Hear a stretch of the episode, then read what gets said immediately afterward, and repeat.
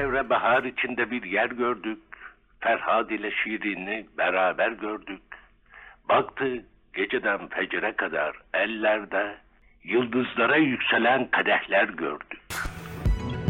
Doğu ile Batı arasında kalmışlığı kendi özbenliklerinde hisseden Osmanlı bakiyesi bir toplumun yeni Türkiye'de modern bir yön arayışı içinde Ahmet Hamdi Tanpınar'da ufuk çizenler arasındaydı. Doğudan ayrılmadan batıyı yaşayabilmeliydi insan ona göre. Itri'yi, Dede Efendi'yi, Tamburi Cemil Efendi'yi dinlerken aynı zamanda Beethoven'dan, Mozart'tan da zevk alınabilirdi.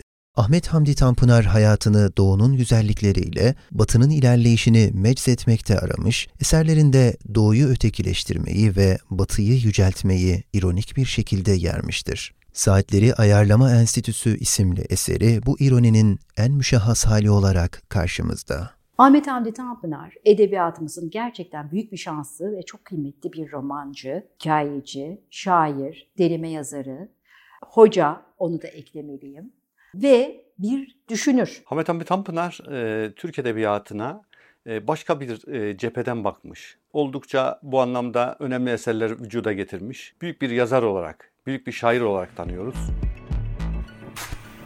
Konuklarımız Yıldız Teknik Üniversitesi'nden Profesör Doktor Ali Fuat Arıcı ve Mimar Sinan Güzel Sanatlar Üniversitesi'nden Profesör Doktor Handan İnci'nin Tanpınar yorumlarıyla birlikteyiz. Tanpınar, Müftüzadeler ailesinden kadılık yapan Hüseyin Fikri Efendi ile Trabzonlu Nesime Bahriye Hanım'ın üç evladından biri olarak 1901 yılında İstanbul Şehzade başında dünyaya gelir. Asrın başında doğanlardık diyor.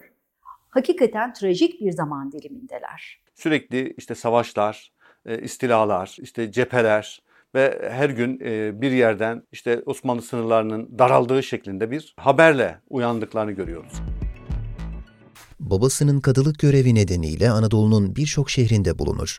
Bu şehirler ecdadının ilmek ilmek yaşadığı derin kültürü Tanpınar'ın yakinen hissettiği yıllardır. Babasının tayinleri yüzünden hemen İstanbul'dan e, çocukluğunun ilk yıllarında ayrıldığını, buradan Ergani'ye tayin olduğunu, oradan Sinop'a geçtiklerini, e, daha sonra oradan e, Siirt'e yine çocukluğunda uzandığını, en son Kerkük ve devamında Antalya'da çocukluk ve gençliğini tamamlayarak 18 yaşında İstanbul'a tekrar döndüğünü görüyoruz. Tanpınar 1901'de dünya geldikten sonra 1918'e kadar İstanbul dışındadır. Yani aslında çocukluğu, gençliği tamamen İstanbul dışında. Osmanlı coğrafyasının değişik yerlerinde geçer.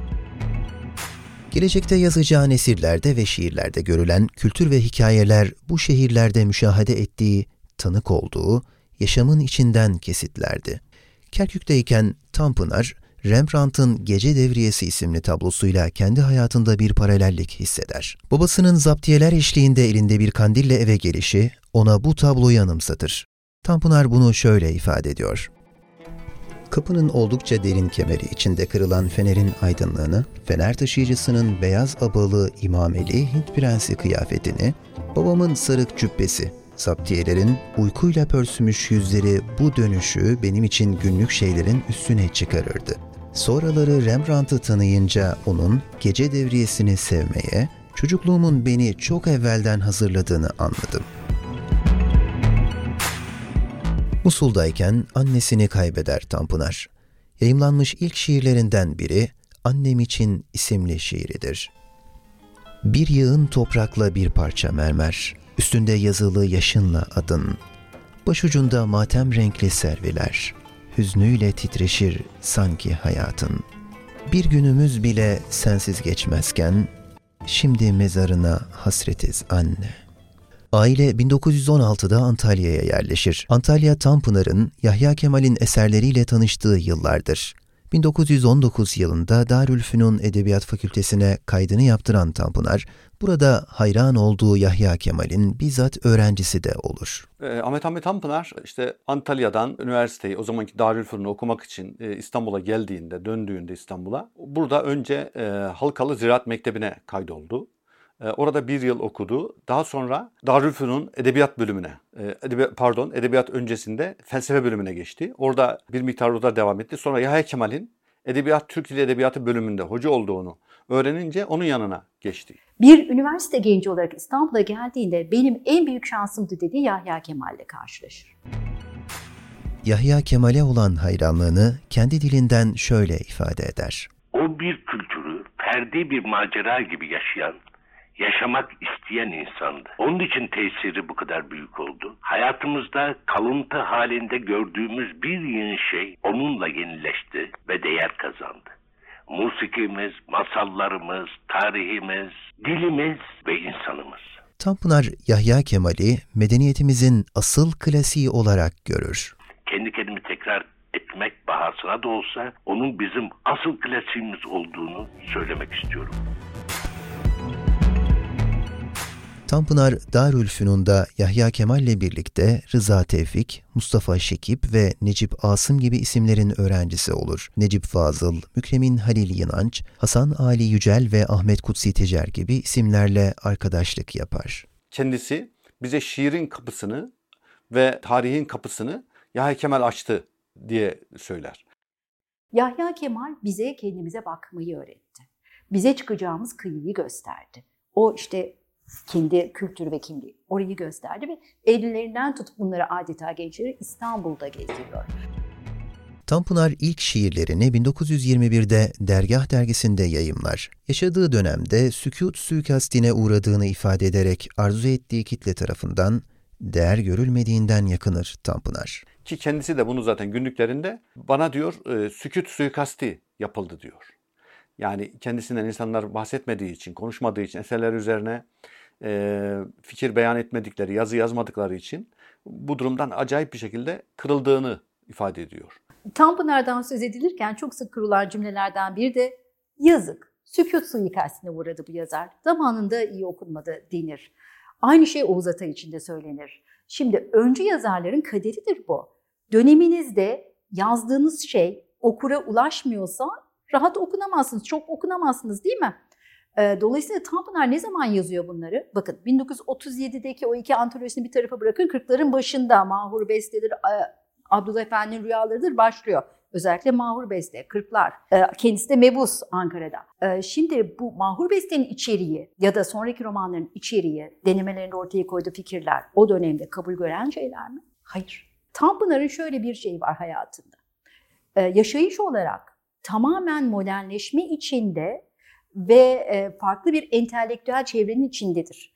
Referansları daha çok batı olan bir çevre diyeyim buna. Bunların içindedir. Ama yazdığı eserlerde referansları doğuya gidiyor Tanpınar'ın. Dolayısıyla o çevre Tanpınar'ı aslında güçlü bir yazar olduğunu biliyor ama sırf bu içerik yüzünden okumuyor. Ya da okuma gerçekten ya okumuyor ya da okumamış gibi yapıyor. Dolayısıyla Huzur gibi muazzam bir kimlik tartışması romanı dahi o çevrelerde hiç ses getirmiyor. Tanpınar'ın İstanbul hayatı Darülfünun'dan mezun olduktan sonra Erzurum'da muallim olarak atanmasıyla yeniden son bulacaktır. Tekrar Anadolu'ya gelen Tanpınar bu yıllarda Doğu'nun ve Batı'nın klasiklerini inceler. Tanpınar dönemindeki ikilemi tahlil ederken tarihin tecrübesini unutmadan geleceğe bakar. O değişerek devam etmek, devam ederek değişmek fikrini ortaya koyar. Yani bir kültürde, medeniyette bir süreklilik olması gerektiğini, kendi köküyle mazisiyle barışık ama yeninin peşinde olan bir insan telakkisinin olması gerektiği düşüncesindedir. Tanpınar geçmişi tamamen unutmaya her zaman itiraz etti.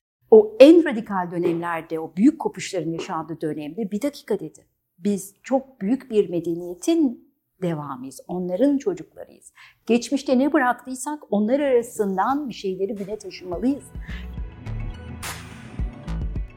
Baudelaire Marcel Proust, Shakespeare'la birlikte Nedim, Şeyh Galip ve Naili'yi okur. Tanpınar bütün bu birikimiyle modern insanın dünyasını tarihi bağlarla birlikte şekillendirir. Modern insan boşluktadır. Parçalanmış zamanın o akışında tutunacak bir yer arar. Her zaman için tutunacağımız şey de bizim geçmişimizdir. Bizden önce yaşayanlar, onların hikayeleri. Ee, mesela burada Marcel Proust burada son derece önemli roman konusunda ve zaman konusundaki istifade ettiği kişilerden birisi olarak.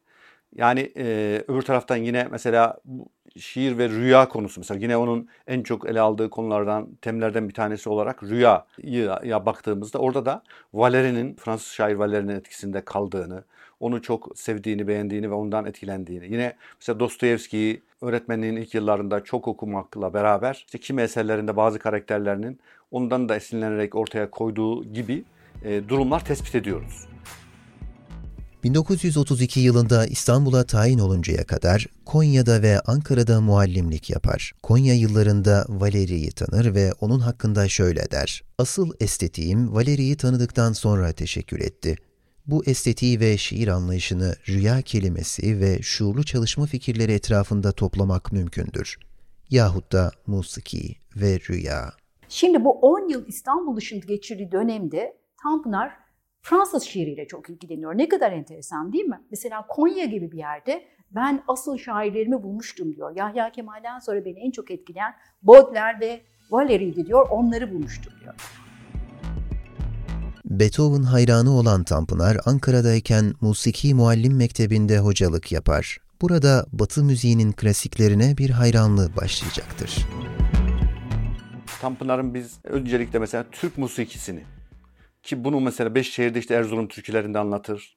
İşte Konya'ya geldiğinde öğretmenlik yaptığında Konya Lisesi'nde e, orada Mevlana'nın işte e, ayinlerinde ki o müziğe e, ilgi duyar. E, eski işte yine Yahya Kemal'den hareketle belki de e, Dede Efendi, Itri gibi Türk müziğinin önemli karakterleri onun için son derece önemlidir. Diğer taraftan tabi Batı müziği de bunlar içerisinde ifade ettiğiniz gibi.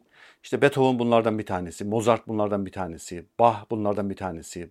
Tanpınar evet Batı müziğine e, Ankara'da konservatuvarda e, hocalık yaparken e, etrafındaki işte hocalar, e, oradaki ortam sayesinde daha derinden e, içine giriyor ve e, dinle, dinleyerek öğreniyor.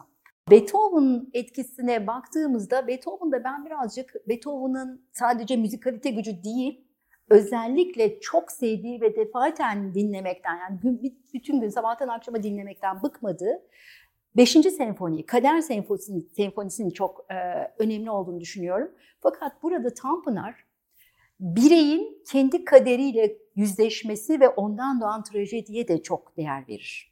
Yani birey kendi içindeki çatışmalarıyla yüz yüze gelebilmelidir.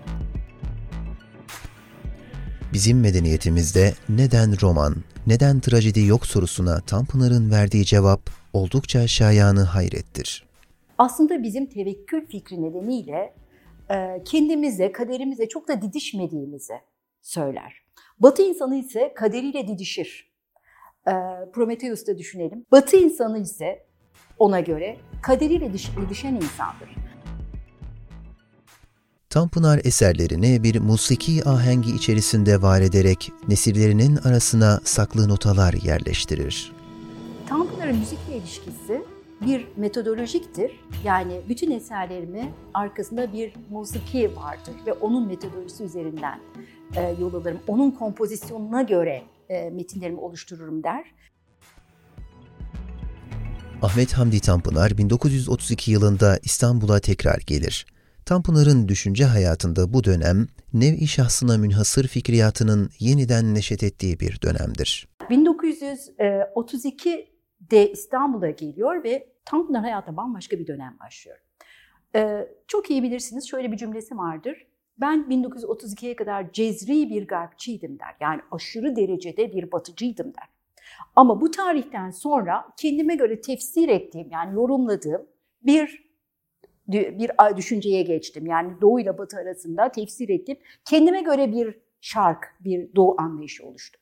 Peki sonuna kadar reddettiği şarkı ne oldu da tekrar yorumlamaya ve düşünmeye başladı? 1932'de ne olabilir ki Tanpınar cezri garpçılıktan tekrar kendi kökleri kültürü üzerine düşünmeye başlamış ve oradan alabileceklerine bakmıştır diye düşündüğümde yine Yahya Kemal'i gördüm. Çünkü ikinci gelişinde İstanbul'a tekrar Yahya Kemal çevresine girdiğinde bu defa olgun, Batı şiirini tanımış, Batı müziğini tanımış, Anadolu'da gezmiş, gelmiş, hocalık deneyimleri olan biridir. Ee, Yahya Kemal ona klasik Türk musikisinin kapılarını açıyor ve tarih konuşmaları daha da yoğunlaşıyor, derinleşiyor. İstanbul'da Kadıköy Lisesi'nde ve Üsküdar Amerikan Koleji'nde muallimlik yapar Tanpınar. Ahmet Haşim'in ölümü üzerine Güzel Sanatlar Akademisi'nde boşalan kadroya atanır. Burada bediyat ve mitolojiyle şark sanatları tarihi dersleri verir. Hani fikri anlamda, düşünce anlamında Yahya Kemal'den eski şiir tabi tecrübesi ve eski şiir e, birikimi bakımından yine ondan istifade ettiğini ama eserini şiir olarak eserini verirken e, Ahmet Haşim'e daha çok benzerlik gösterdiğini söyleyebiliriz. 5 Ocak 1934 yılında babası Hüseyin Efendi vefat eder. 1938'de ciğerlerinden geçirdiği hastalık dolayısıyla uzun müddet Prevantoryum'da yatar Tanpınar. Tanzimat sonrası Edebiyat Fakültesinde Tanpınar Türk Edebiyatı tarihi dersleri vereceği 19. asır Türk Edebiyatı kürsüsüne atanır. Daha önce yayımladığı şehir monografilerini Beş Şehir isimli eserinde toplar. Bu şehirler Ankara, Erzurum, Konya, Bursa ve İstanbul'dur. Sevilerek okunan Huzur isimli romanı 1948 yılında yayımlanmaya başlar. Saatleri Ayarlama Enstitüsü isimli eseri ise en bilinen eserleri arasındadır. Eğer Saatleri Ayarlama Enstitüsü'nü yazmasaydı Tanpınar bu kadar büyük bir yazar olamazdı. Tanpınar'ın en sevdiğim romanı mıdır? Hayır. Çünkü ben Tanpınar'ı altı romanı ile birlikte çok severim. Bir bütün dünyadır o. Hiçbirini ayırmam. Ama eğer o kitap olmasaydı Tanpınar, Tanpınar olamazdı. Yani eleştirmenler işte özellikle Huzur romanıyla Saatleri Arama Enstitüsü'nü e, Türk Edebiyatı'nın yani kimisi işte en güzel roman diye sorduğunuzda Huzur'u, kimisi de en güzel roman diye, Türk Edebiyatı'nın en güzel romanı diye sorduğunuzda e, Saatleri Arama Enstitüsü'nü söyler. Tanpınar 1951 yılında İstanbul Üniversitesi'nde Fransız Dili ve Edebiyatı kürsüsüne atanır. 1953 tarihinde uzun yıllar hayalini kurduğu Avrupa seyahatine Paris'ten başlayacak ve daha sonra yayımlanan günlüklerini burada kaleme alacaktır. 1959 yılına kadar çeşitli vesilelerle Belçika, Hollanda, İngiltere, Portekiz, İsviçre, Avusturya, İspanya ve İtalya gibi ülkeleri gezer. Venedik, Barcelona, Endülüs, Toledo, Pompei şehirlerinde resim sanatlarını ve müzeleri inceler. 24 Ocak 1962 yılında fakültede aniden geçirdiği kalp krizi nedeniyle vefat eder. Naaşı çok sevdiği Yahya Kemal'in yanına Aşiyan mezarlığına defnedilir. Her sanatkarın hayatında asıl kemal noktası olan birkaç sene vardır. Diyen Tanpınar da kemale erdiği yıllarda eserlerini milletimize bırakmıştır. Saatleri Ayarlama Enstitüsü, Mahur Beste, Huzur ve niceleri. AA Portre'nin bu bölümünde Türk Edebiyatı'nın önemli isimlerinden Ahmet Hamdi Tanpınar'ın hayatını ve fikriyatını ele aldık. Bizi hangi mecrada dinliyorsanız abone olmayı ve takip etmeyi unutmayın. Hoşçakalın.